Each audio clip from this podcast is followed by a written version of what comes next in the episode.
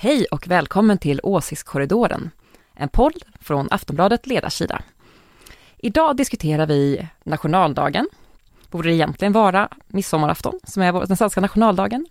Vi diskuterar händelseutvecklingen i den svenska säkerhetspolitiken och NATO-ansökan. Och vi tar en slutlig diskussion om Staffanstorp.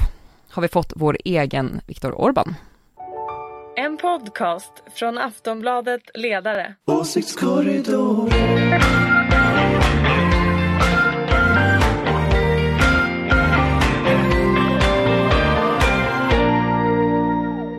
Hej och välkomna till Åsiktskorridoren, podden från Aftonbladets ledarredaktion som försöker bringa reda i det politiska tumultet. Till min hjälp har jag som alltid en panel med några av landets vassaste politiska analytiker. Ulrika Schenström från den gröna och liberala tankesmedjan Fores. Här presenterar vi dig som oberoende moderat. Hej hej, här är jag. Lovisa Arvidsson från Aftonbladets oberoende socialdemokratiska ledarredaktion. Hejsan hejsan. Och Anders Lindberg som är politisk chefredaktör på Aftonbladet och alltså chef för ledarredaktionen. Hej! Själv heter jag Ingvar Persson och skriver till vardags ledare i Aftonbladet. I den här podden är det ju dock min uppgift att ställa frågorna och fördela ordet så rättvist jag bara kan. Och det brukar Ulrika håna mig. Ja, lite sådär, men ja, mm, vi får se hur det går idag. Ja. Vi ska inte prata om fotboll idag heller, trots att Degerfors i helgen lyckades bärga sin andra seger i årets allsvenska. Eh, istället kommer dagens program att präglas utav dramatiken i säkerhetspolitiken. Men först tänkte jag att vi ändå måste uppmärksamma dagens datum. Den 17 maj, eller 17 maj som vi säger här. Norrmännen firar för fullt med flaggviftande, is och pölse. Borde vi vara avundsjuka Anders? Ja. Ja, det tycker jag nog också faktiskt. Det är en trevlig stämning. Ja, det verkar så mysigt. Och varför, varför kan inte vi äta korv och, och vifta med flaggor? Ja, men det gör vi ju, fast det gör vi ju på midsommar. Det är ju det här dilemmat att... Men jag försöker äta sill och vifta lite med flaggor den sjätte. Det är svårt att konstruera fram en känsla hos stor grupp människor. Och jag tänker att eh, 17 maj har ju vuxit fram under, med, sina, med en god anledning under, un, historiskt. Och vi har ju kanske inte samma, men som sagt midsommar har vi ju haft som har vuxit fram som en del av vår, våra kulturella helgdagar. Nej men jag tycker det är, det är trevligt. Alltså, vi har ju en helt värdelös nationaldag som firas till gamla, gamla kungar och skit som ingen bryr sig om egentligen. Alltså de har ju ändå sin grundlagsdag. Alltså det, det är ju någonting att fira på riktigt. Eh, vi ska fira nationaldagen till minne av liksom Gustav Vasas kröning och sådana saker. Det blir liksom fjantigt i jämförelse. Och det där tror jag spelar roll. Att liksom, eh, det, vi har en nationaldag som egentligen, precis som ni säger, är midsommar. Därför att liksom den nationaldag vi har är bara skräp liksom. Ja men inte skräp. Jo, faktiskt. Nej, man har kan man inte säga. Skräp Hur lite fi- väl. Nej, jo den är skräp. Hur firar man en nationaldag? Alltså äter man nationaldagssill? Äter man nationaldagspotatis? Tar man nationaldagsnubbe? Alltså det, det finns inga ceremonier som är folkliga kopplat till det. Och, och jag menar, Jo men för det an- behöver ju inte vara skräp. Så här, om vi skulle gå ut på gatan och en vi femma och fråga så här Kan du hur andra versen nationalsången låter? Så lovar jag att vi kommer få noll personer som kan den. Så att jag menar, det, det är en annan grej med Norge därför att det finns något att fira med sig deras nationaldag. Jag tycker vi ska byta nationaldag, skrota nationaldagen inför midsommars nationaldagen och ha liksom sillen som, som nationaldagsrätt. Då hade vi liksom, då hade det spelat samma grej som Norge. Men, men eh, Fast var, varför, varför firar vi midsommar? Det är inte riktigt samma sak som Redan de gamla vikingarna 17 firade maj är midsommar. väl ändå lite... Nej, men alltså, jag, jag tror så här, jag tror att, jag tror att ceremonier som är påhittade uppifrån, som vår nationaldag, eh, den tror jag har mindre folklig förankring. Eh, Medan eh, ceremonier som är påhittade nerifrån Men av det- liksom traditioner som Men- faktiskt men människor bryr sig kan det- om, Så kan det ju vara. Men, de är men, viktigare. Men Jag stödjer Anders. jämförde du liksom med eh, Ja, och då är, en då annan är, sak. Den ja, 17 men maj 17 finns det maj, någonting absolut. riktigt att, men midsommarafton är ju fortfarande bara midsommarafton. ja, 17 maj Men jag håller med om att, för jag var ju den Absolut. som inledde med att säga vi har ju midsommarafton så att vi behöver inte vara så det, gnällig. Nej, men jag, jag, tycker också, jag tycker också att det, det är arbetslinjen och sånt som Moderaterna brukar framhålla. Då kan man ju arbeta på nationaldagen. Det. Jag vet inte vad de här Då andra kan gör, man vinna, ja. Mm. vinna mycket där. Jag- Men jag tycker på riktigt att det är, eh, jag tycker Norge, jag tycker det är häftigt liksom, det, det man ser i Norge. Men det bygger ju på en folklig förankring och där tycker jag det är ett jätteproblem att det är riksdagen som hittar på liksom en nationaldag för oss. Vi, ursäkta mig, vi ska inte fördjupa oss i det, det skulle ju annars vara Det intressant. här höll ju på att bli liksom, Ett helt program vi hoppar. NATO-frågan och så pratar Ja. vi om det här. Ja, därför eh, det var ju en ganska speciell politisk process när man kom fram till eh, att Absolut. bestämma det här. Och för övrigt ta bort annandag pingst i samma veva. Eh, men som sagt, eh, vi ska inte riskera att hela podden handlar om 17 maj. Eh, utan vi får ju då försöka ta oss in på, på det här med NATO. I söndags beslutade styrelsen för Socialdemokraterna att Sverige ska lämna in en ansökan för att få gå med i NATO. Igår höll riksdagen debatt, eller vad vi nu ska kalla det. Och dessutom fattade den socialdemokratiska regeringen samma beslut som partistyrelsen. Eh, dessutom så eh, eh, hade man ju då en pressträff med Magdalena Andersson och Ulf Kristersson tillsammans. Vi kommer tillbaka till den. Eh, imorgon kommer Finlands premiär, eller president förlåt mig, Sauli Niinistö på statsbesök till Sverige. Och sannolikt är det väl meningen att Sverige och Finland därefter ska lämna in en gemensam ansökan. Har det gått för fort, Louisa? Ja, alltså jag har ju skrivit en liten S-traumatext om det här faktiskt, hur, hur den här debatten har för, förlöpt. Men jag tycker att på ett sätt har det gått jättefort såklart. Det har ju gått för fort för att alltså, utvecklingen i världen har gått lite för fort nu sista tiden. Och det är någonting som ingen önskar. Men med det sagt, jag är ett ganska stort fan av den representativa demokratin och jag tycker nog att när det behövs fatta skarpa beslut så kan de behöva gå snabbt, gå snabbt och göras utav, men på en bred front eh, och inte allt för mycket tjafs. Och det ser vi ändå en uppvisning i nu som kan vara på ett sätt positiv. Att det faktiskt fattas beslut. Nej men du vet ju att jag tycker absolut inte Jo. att det har gått för fort. Du tycker det har gått för sakta? Ja det kan man tycka. jag säga så här? Jag tycker att vi borde ha inlett den här debatten om NATO för länge, länge sedan. Och där tror jag att de låsta punk- alltså positionerna i svensk politik har bara inte tillåtit en debatt komma fram. Och kanske framförallt inom socialdemokratin. Ulrika har gjort sitt bästa för att inleda debatten. Ja, nej, men jag har försökt länge nu. Men eh, det, jag, känner bara att, jag känner bara ett lugn nu. Jag känner bara att, ja, nu är vi här. Det har ju sagt så länge nu. Väldigt eh, väl regisserat får man ju säga.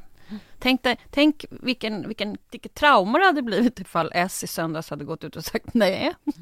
Ja, gud, jag tänkte också på det. Vilken ironi det skulle ha varit. Vad skulle vi ha sagt i podden då, Anders?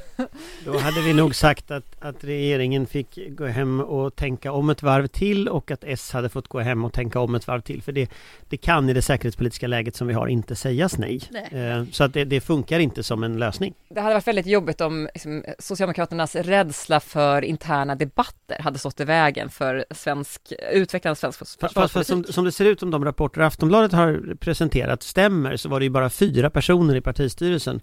Och partistyrelsen i sossarna är ju liksom, det är ju, det är ju så en, en busslast liksom med folk. Eh, och bara fyra personer säger nej. Så att det, det jag skulle säga att, och det är inte ens en votering liksom. Så jag skulle säga att det är ganska uppenbart att man har samlat partiet bakom det. Och där tänker jag det här med, har det gått för fort? Jag tror inte det har gått för fort, utan jag tror att Magdalena Andersson på ett ganska skickligt sätt har förankrat det här i sitt parti. Sen så kommer ju de som är mot, de kommer att fortsätta vara mot. Eh, de var mot innan, det hade så att säga inte hjälpt hur lång processen hade varit. De hade alltid varit mot.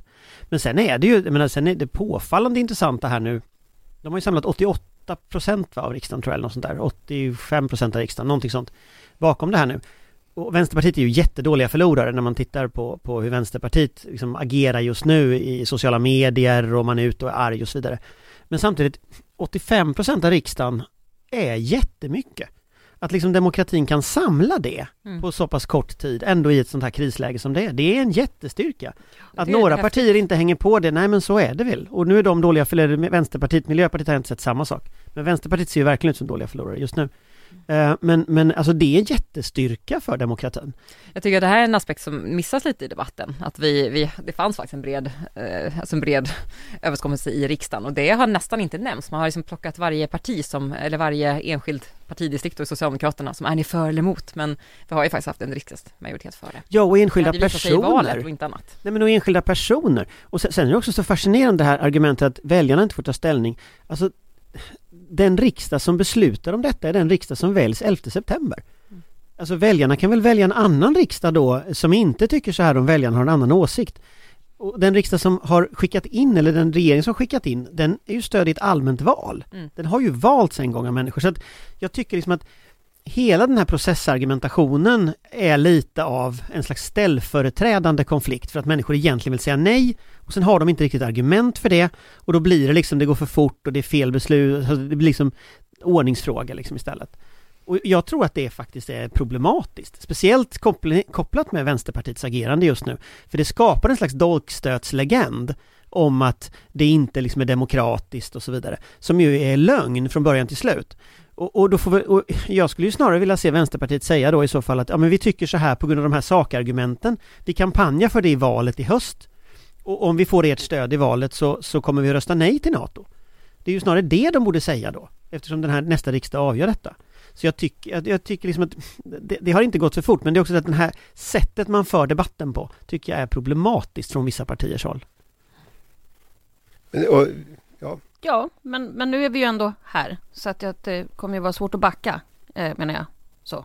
Ja, alltså det är nästa riksdag som röstar om det. Och om man, om man tar, tar vad Socialdemokraternas eh, juridiska analys har sagt så är det ju att du behöver ha en, en tre fjärdedels majoritet i riksdagen. Så det är klart att om Vänsterpartiet samlar då de mandat som finns för att stoppa detta, ja då kan de stoppa det. Mm, jag men, men jag tror inte ens de kom, jag tror inte ens att de kom, nej men det är svårt därför att det, de har ingen majoritet. Nej, jag vet. Men, men det är ju det som gör att den här dolkstötslegenden blir så problematisk, att liksom, trots att det är en ganska liten minoritet som tycker så här, så spelar man upp det som att det skulle vara en majoritet. Jag såg att, att Göran Greider satt i, i radio igår så att han, han kände sig som en dissident.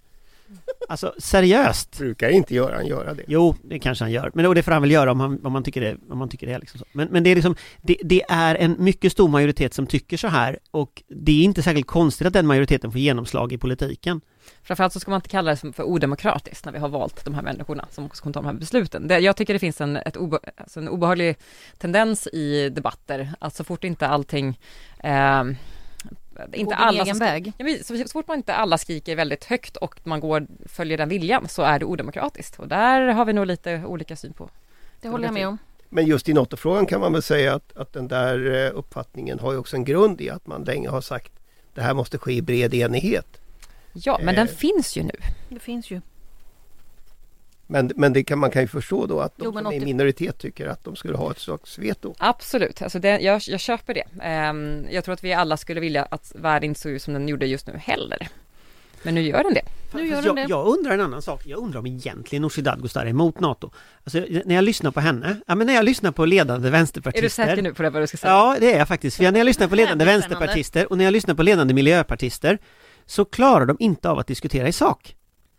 Och, och, en erfarenhet som jag har i alla fall, det är att när människor inte klarar att diskutera i sak, när det bara blir sådana här formargument hit och dit, då är det väldigt ofta att, ja men det är inte en så grundad uppfattning. Utan det kanske eh, bara är någon som har läst några opinionsmätningar? Jag undrar ibland om det är så att mm. man har tänkt att, ja men det här är en opportun, det här är en mm. opportun åsikt. Vill Nooshi Dadgostar få de socialdemokrater som är missnöjda idag till sitt Ja, lite så, tänker ja, jag. Men det är så det brukar gå till. tänker jag. Och det vore inte första gången i världshistorien Nej. man liksom Nej. fokuserar på en sån sak. Så att, och, och, när jag, och, för grejen är den att om man lyssnar på hennes övriga strategi, Nooshi Dadgostar, så är den att vinna män med hjälm i glesbygd. Ja, mm. absolut. Och det är nog inte den största nej till NATO-opinionen som finns. Så lite känns det som att här har hon hittat en ny väljargrupp hon vill ha, ha, köra på, eh, som är missnöjda socialdemokrater. Så att, ja, jag undrar hur mycket valtaktik det är detta. Jo, alltså. men det är mycket opinionsmätningar. Mm. Ja, man får lite den känslan faktiskt. Sen finns det säkert liksom en djupt erkänd i andra delar av Vänsterpartiet. Men lyssnar man på den här nya partiledningen, det är inte den strategin de har haft hittills. Utan det har ju snarare varit att bredda Vänsterpartiet till nya liksom, grupper.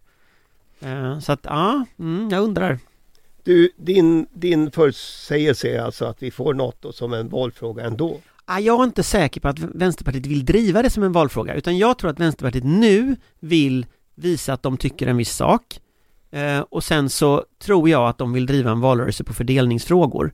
Välfärdsfrågor, arbetsmarknadspolitik, pensionsfrågor. Mm. Alltså sådana frågor där de kan vinna eh, mycket de här väljarna de har velat vinna. Och jag kan ju också rent strategiskt, nu är inte jag vänsterpartist och kommer aldrig någonsin att bli det, men, men om jag tittar på rent strategiskt Ingen som tror det. Nej, det hoppas jag. Eh, men om man tittar på rent strategiskt Chockartat ja, men, så, så finns det ju en poäng i Nooshi Dadgostar det här med vinna män i glesbygd. Oh ja. Därför att det vinner de från Sverigedemokraterna. Om de ska Och vinna... Socialdemokraterna. Ja, fast mer från Sverigedemokraterna. Och, och grejen är att om de ska vinna missnöjda socialdemokrater, medelklassväljare som liksom är engagerade i de här frågorna, det spelar ingen roll för blockskillnaden. Eh, kan eh, Vänsterpartiet locka över missnöjda Sverigedemokrater, då spelar det roll för liksom, regeringsfrågan. Tar de missnöjda socialdemokrater spelar det ingen roll. Och, och Vänsterpartiet är ganska strategiska om man tittar på den här nya ledningen. Eh, den är ganska genomtänkt. Jag tror de vill vinna valet. De vill inte bara liksom bli lite större på sossarnas bekostnad. Och det talar också för att det blir mer pensioner och, och arbetsmarknadspolitik än NATO i valet, skulle jag tro. Man får ändå säga att de var väldigt framgångsrika förra sommaren i sitt agerande i riksdagen. Ja, nej, men de spelade ju bort sossarna fullständigt förra ja sommaren. absolut. Så Hörrni, som sagt när Magdalena Andersson till slut då skulle berätta om det här eh, beslutet som regeringen fattade så valde hon ju den lite ovanliga åtgärden att eh, bjuda in Ulf Kristersson till eh, Rosenbad för att, att liksom medberätta det här. Och de var ju, de var ju mycket artiga och, och samspelta. Är det där liksom en ton som vi kommer att få eh, ha kvar i politiken, Ulrika? Nej men det tror jag inte men alltså det här var ju ett allvarligt läge och NATO och det var väl jättebra att de gjorde det tillsammans så att landet står enat. Det tycker jag är jätte, jätteviktigt. Men sätter inte Men det sen- spår? Ja, det kan det ju göra men sen kommer vi in i en valrörelse men då kommer ju inte den här frågan diskuteras på det sättet men de kan väl kanske bråka om skolfrågan eller någonting annat. Alltså de löser ju ut den här frågan nu och då är det viktigt att visa samstämmighet, stammighet och sen så vill de ha den avklarad. Tack och hej, säger de till den. Det blir Vänsterpartiet som kanske får hålla kvar i frågan. Eh, nej, jag, jag tror absolut de kommer lämna det bakom sig. Nu är det borgfred i några dygn och sen så är det annat som tar vid. Men det är snyggt gjort. Alltså Mm. bra för landet. Håller med. Jag tycker det är oerhört provocerande att se de två på en scen ihop. Jag vill, inte så? alls se, jag vill inte alls se dem där. Men jag, en jag fattar inte. som är relevant Nej, jag vet inte vad Ulf Kristersson gör i Rosenbad överhuvudtaget. Han ska inte där Ja, göra. Han har inte där att göra. Nej men han har inte där att göra, han förlorar valet. Alltså jag, jag fattar poängen, men det skär i mig. Och det skar i mig ännu mer när jag såg den här, eh, den här debatten de hade, eller duetten de hade i, i Agenda. När de skulle förklara hur mycket de tyckte om varandra. Alltså jag mår, Ja, det jag, jag mår illa av det här liksom, eh, alltså jag tycker inte om det, jag gör verkligen inte det. Men så här, stora jag, kan frågan, inte, jag kan inte hjälpa det, jag fattar poängen men jag, alltså det, Den stora konflikten i svensk politik står om jämlikhet mellan Ulf Kristersson och Magdalena Andersson liksom. Och, och det, det måste också man våga säga Sen fattar jag ju poängen men jag måste säga att jag, nej jag så att man måste kunna hålla äpplen och päron isär där. Men, Mm. ja, men jag, så gillar här, inte äpplen och päron Den stora frågan är snarare, hade Ulf Kristersson bjudit in Magdalena Andersson till att stå vid hans sida om det hade varit tvärtom? Ja, det hoppas jag För verkligen. det är jag inte lika säker på. Carl Bildt och Ingvar Carlsson gjorde ju upp om, på motsvarande sätt för 30 år sedan. Så att det finns ju kanske någon slags poäng i det. Men det som skär i mig det är den här, alltså det här att eliten ser ut att göra upp. Alltså den här bilden av alla på en scen, Etablissemanget. Fast är det inte en fråga just nu, just NATO-frågan, just försvarsfrågan, att vi måste visa den breda enheten? Jo, inte, det har det inte är symbolvärde helt på- starkare? Jag fattar poängen men jag måste säga att det skär i mig lika fullt. Ja. Men, men ska vi tro panelen så behöver det inte skära så länge. Nej, det är Nej, men jag hoppas det, jag hoppas att Nej men å andra sidan är det här en helt annan sak än, en skatteuppgörelse till exempel. det är det, det jag här är någonting säga. helt annorlunda. Så, Ja. att, så nu Anders tycker Lovisa och jag att du har fel. Mm, Så är det. Sånt händer ibland. Mm. Men han får rätt. Det vill, det vill säga debatten fortsätter som förut. Att nu fixade du till det där, nu trixar du till det där igen. Ja, ja, ja, ja, ja. Han är oberoende. Eh, precis, helt oberoende. Den mest oberoende. Eh, I huvudsak så har ju det här beslutet, Sverige och Finlands beslut om att söka eh, medlemskap i NATO möts av bifall ute i världen. Kanske mest av allt i de baltiska länderna, inte helt överraskande. Eh, men en röst hotar ju att stoppa hela processen. Den turkiska presidenten Erdogan. Vad är det egentligen han vill, Anders? Ja, det är lite svårt att säga tycker jag. Alltså Erdogan, om man, man börjar i den andra änden kan man säga att Erdogan bör, brukar bråka eh, i NATO. Han är känd som en, en, en väldigt problematisk person. Eh, han bråkade om Anders Fogh Rasmussen som är från Danmark eh, som var generalsekreterare och då bråkade han ju utifrån eh, de här Mohammed-karikatyrerna att han tog ställning för yttrandefrihet i Danmark och det tyckte inte Erdogan alls om. Han bråkade om den militära planeringen för Baltikum för ett par år sedan, eller 2019 var det va? Eh, där, där NATO skulle upprätta en militär planering för sin absolut mest sårbara del. Och då bråkade han, och han fördröjde väl det något halvår. Och det var också en fråga om man skulle ha några uttalanden om kurder, liksom de här grupperna som, jag kommer inte ihåg vilken grupp, om det var PKK eller vilken grupp det ens var på den tiden, men det var någon grupp han skulle ha uttalanden om. Eh, så att han brukar göra så här. Eh, och eh, på det sättet så kan man väl förvänta sig att det här, att amerikanerna och britterna får väl reda ut det då till slut med honom. Eh, så, så vad vill han ha då? Ja, alltså, ja, det finns ju ett antal saker tror jag som ligger i korten på riktigt. Eh, en sak som ligger i korten är att den turkiska ekonomin har kraschat och håller på att krascha fullständigt. Valuta, han har en ganska kreativ valutapolitik, Erdogan, eh, om man uttrycker sig snällt, eh, som gör att ekonomin eh, fullständigt kan haverera eh, också. Eh, och det är klart att han är helt beroende av EUs handel i det, i det avseendet, så att någon form av ekonomisk krav kan han ställa. Det finns ett antal militära upp, äh, eh, avtal som ligger och skvalpar i, i skuggan av detta. Det finns handelssanktioner från svensk sida eh, och från, från e EUs sida, delar av EUs sida. Det finns ett avtal om ett utökat flygvapen för Turkiet från amerikansk sida. Det finns ett antal sådana här saker som han kan vilja så här, spela med här. Eh, de här sakerna han lyfter upp, att han vill ha folk utlämnade från flyktingar utlämnade från Sverige och så, det tror jag inte riktigt på, för det förstår han att det kommer inte hända, det fattar han ju också. Eh, men däremot kan det vara ett sätt att liksom skapa opinion i Sverige och ställa till oreda i Sverige, ställa de kraven. Men det kommer vara hård maktpolitik han vill ha. Om jag skulle gissa vad som skulle kunna lösa upp alltihopa, en bild mellan honom och Joe Biden som skakar hand innan det turkiska valet, så har de nog löst det där. Eh, men det är liksom maktfrågor han vill ha. Han vill inte ha liksom enskilda småsaker utan, utan Turkiet spelar så här och de har spelat så här förut och jag tror att eh, han, han hade rätt på det sättet att det var ingen mening att Ann Linde åkte dit, för det, det kommer inte att ligga på Ann Lindes nivå. Utan det här kommer amerikaner och britter och fransmän och så få hjälpa till med och reda ut. Ja, men det betyder att eh, Erdogan inte kommer att stoppa ett svenskt medlemskap. Är det din bedömning också Ulrika? Ja, jag tror han håller på och spelar maktspel. Och där är ju eh, Anders bättre på just eh, utrikes... Maktspel. Ja, det är han väldigt bra på. Men det kan jag också vara bra på. Men nu pratar vi om utrikespolitik. Det var det jag tänkte hänvisa till. Nej, men jag tror inte det. Men sen är det ju tråkigt för jag tror folk kanske blir, blir rädda för att han håller på så här. Så att det behövs ju någon slags förklaring i den svenska debatten. Där, där, kan man väl ha en synpunkt att, att alltså, det tog ett ganska långt tag att svensk media lärde sig att inte rapportera när, när, när Putin sa saker, bara rapportera dem rakt ut. Mm. Och det tog ytterligare ännu längre tid att lära sig att inte rapportera vad Trump sa rakt ut. Mm, jag håller med om. Och nu de senaste tre dagarna så verkar man ha glömt... Erdogan. Nu är det Erdogan som säger, då har vi glömt bort det där igen. Så då rapporterar man rakt ut vad han säger, ungefär mm. som att det är riktiga nyheter. Och, och grejen är att det är klart att det är en nyhet att han säger det, på samma sätt som det var en nyhet att Trump sa någonting, eller en nyhet att Putin sa någonting. Men det faktum att han säger det betyder ju inte att det är sant, det betyder inte att Turkiet kommer att göra det, och det måste sättas i ett sammanhang. Att det här är en påverkansoperation som Turkiet ägnar sig åt, den syftar till att skada eh, de intressena som Turkiet inte vill ha. I just det här fallet så, så tror jag det handlar mer om F16-plan än, än, än något annat så att säga då. Men, men, men man måste liksom, då måste man berätta, på samma sätt som man nu idag berättar att Putin hitta på allting liksom och att Trump är Trump liksom. Så måste man berätta att Erdogan är Erdogan. Man kan liksom inte bara skicka ut det här rakt ut och tänka att liksom, ja men det här är som vilken världsledare som helst liksom. Det är inte en världsledare vem som helst, Erdogan. Det är inte som att rapportera vidare vad, vad Macron säger eller vad Olaf Scholz i Tyskland säger.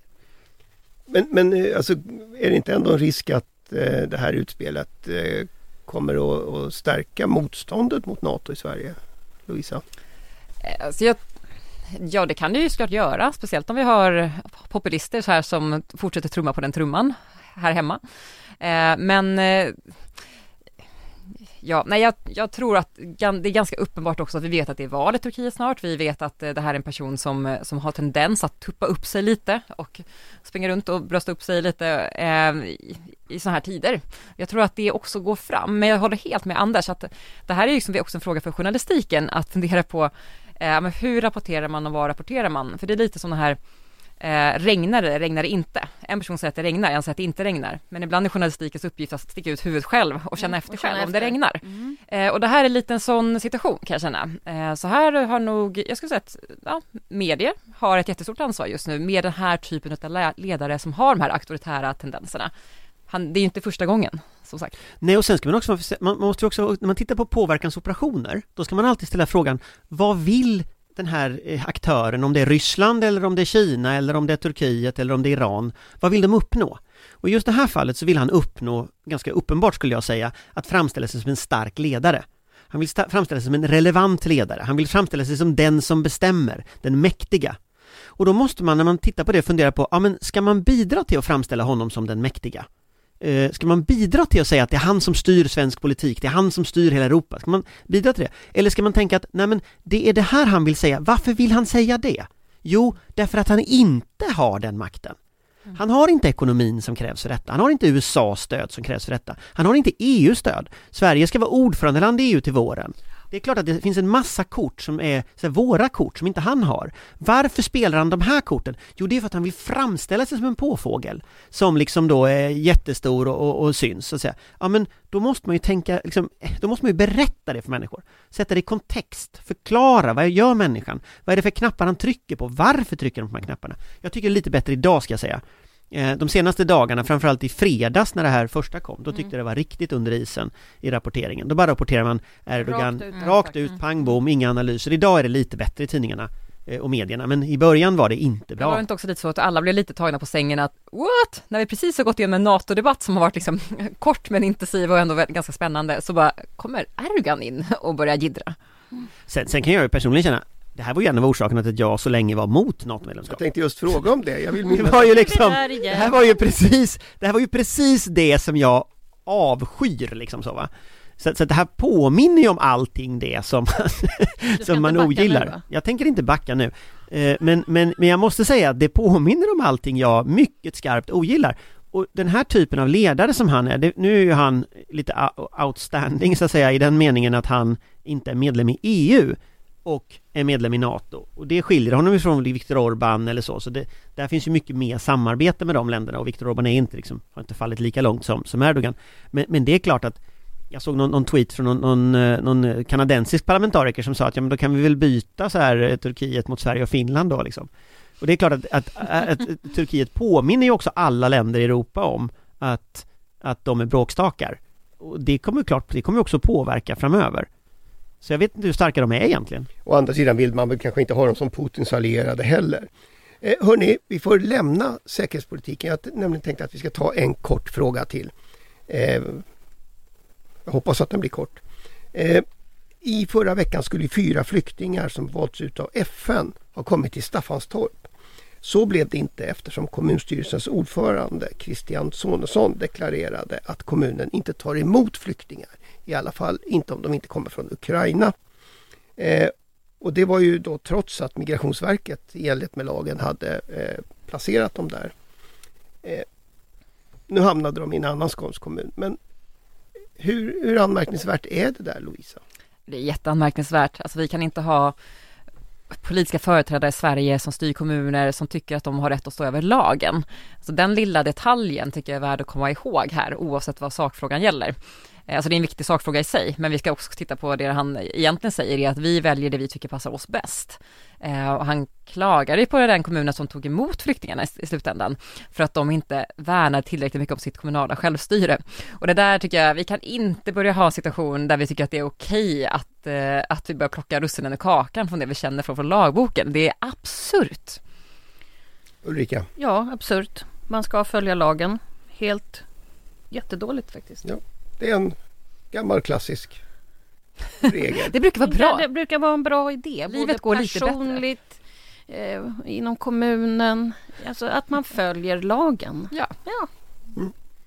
Nej men det är väl lite Erdogan igen liksom, fast i Staffanstorp där. Han kommer någon lokal liten variant av Erdogan. Han har väl lärt sig någonstans ifrån liksom. Mm. Det här- Från Erdogan. Ja, det kanske är Erdogan. Erdogan. Erdogan. Ja. Ja, Erdogan känns spontant som att det är lite samma stil. de Fast har varit på samma så här, konferens och lärt sig hur man är. Ja, alltså Populist. AKP, är inte de med förresten i det här europeiska eh, European People's Party har jag för mig? Eller de var i alla fall. Ja, de var. De, var. de, kan, de kan ha åkt ut någon gång. De fick faktiskt sparken. Ja, de kan ha åkt ut någon gång längs resan där. Den har vi bråkat om förut. Förut.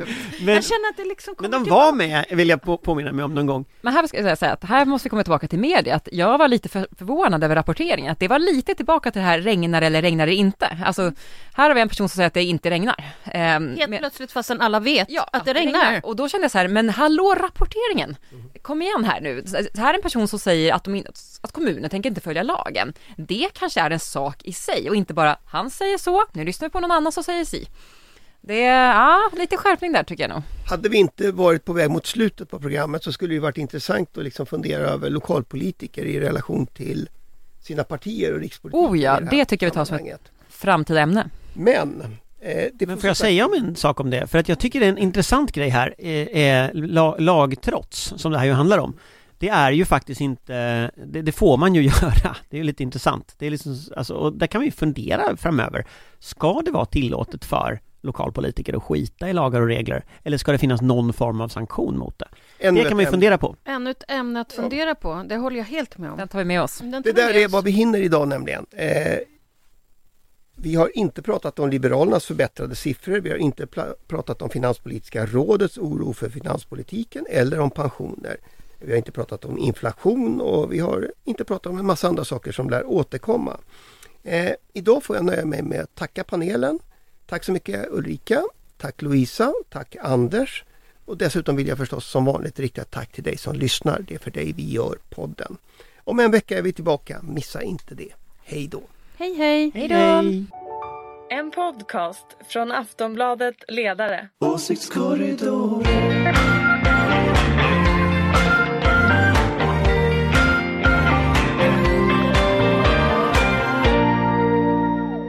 Du har lyssnat på en podcast från Aftonbladet. Ansvarig utgivare är Lena K Samuelsson.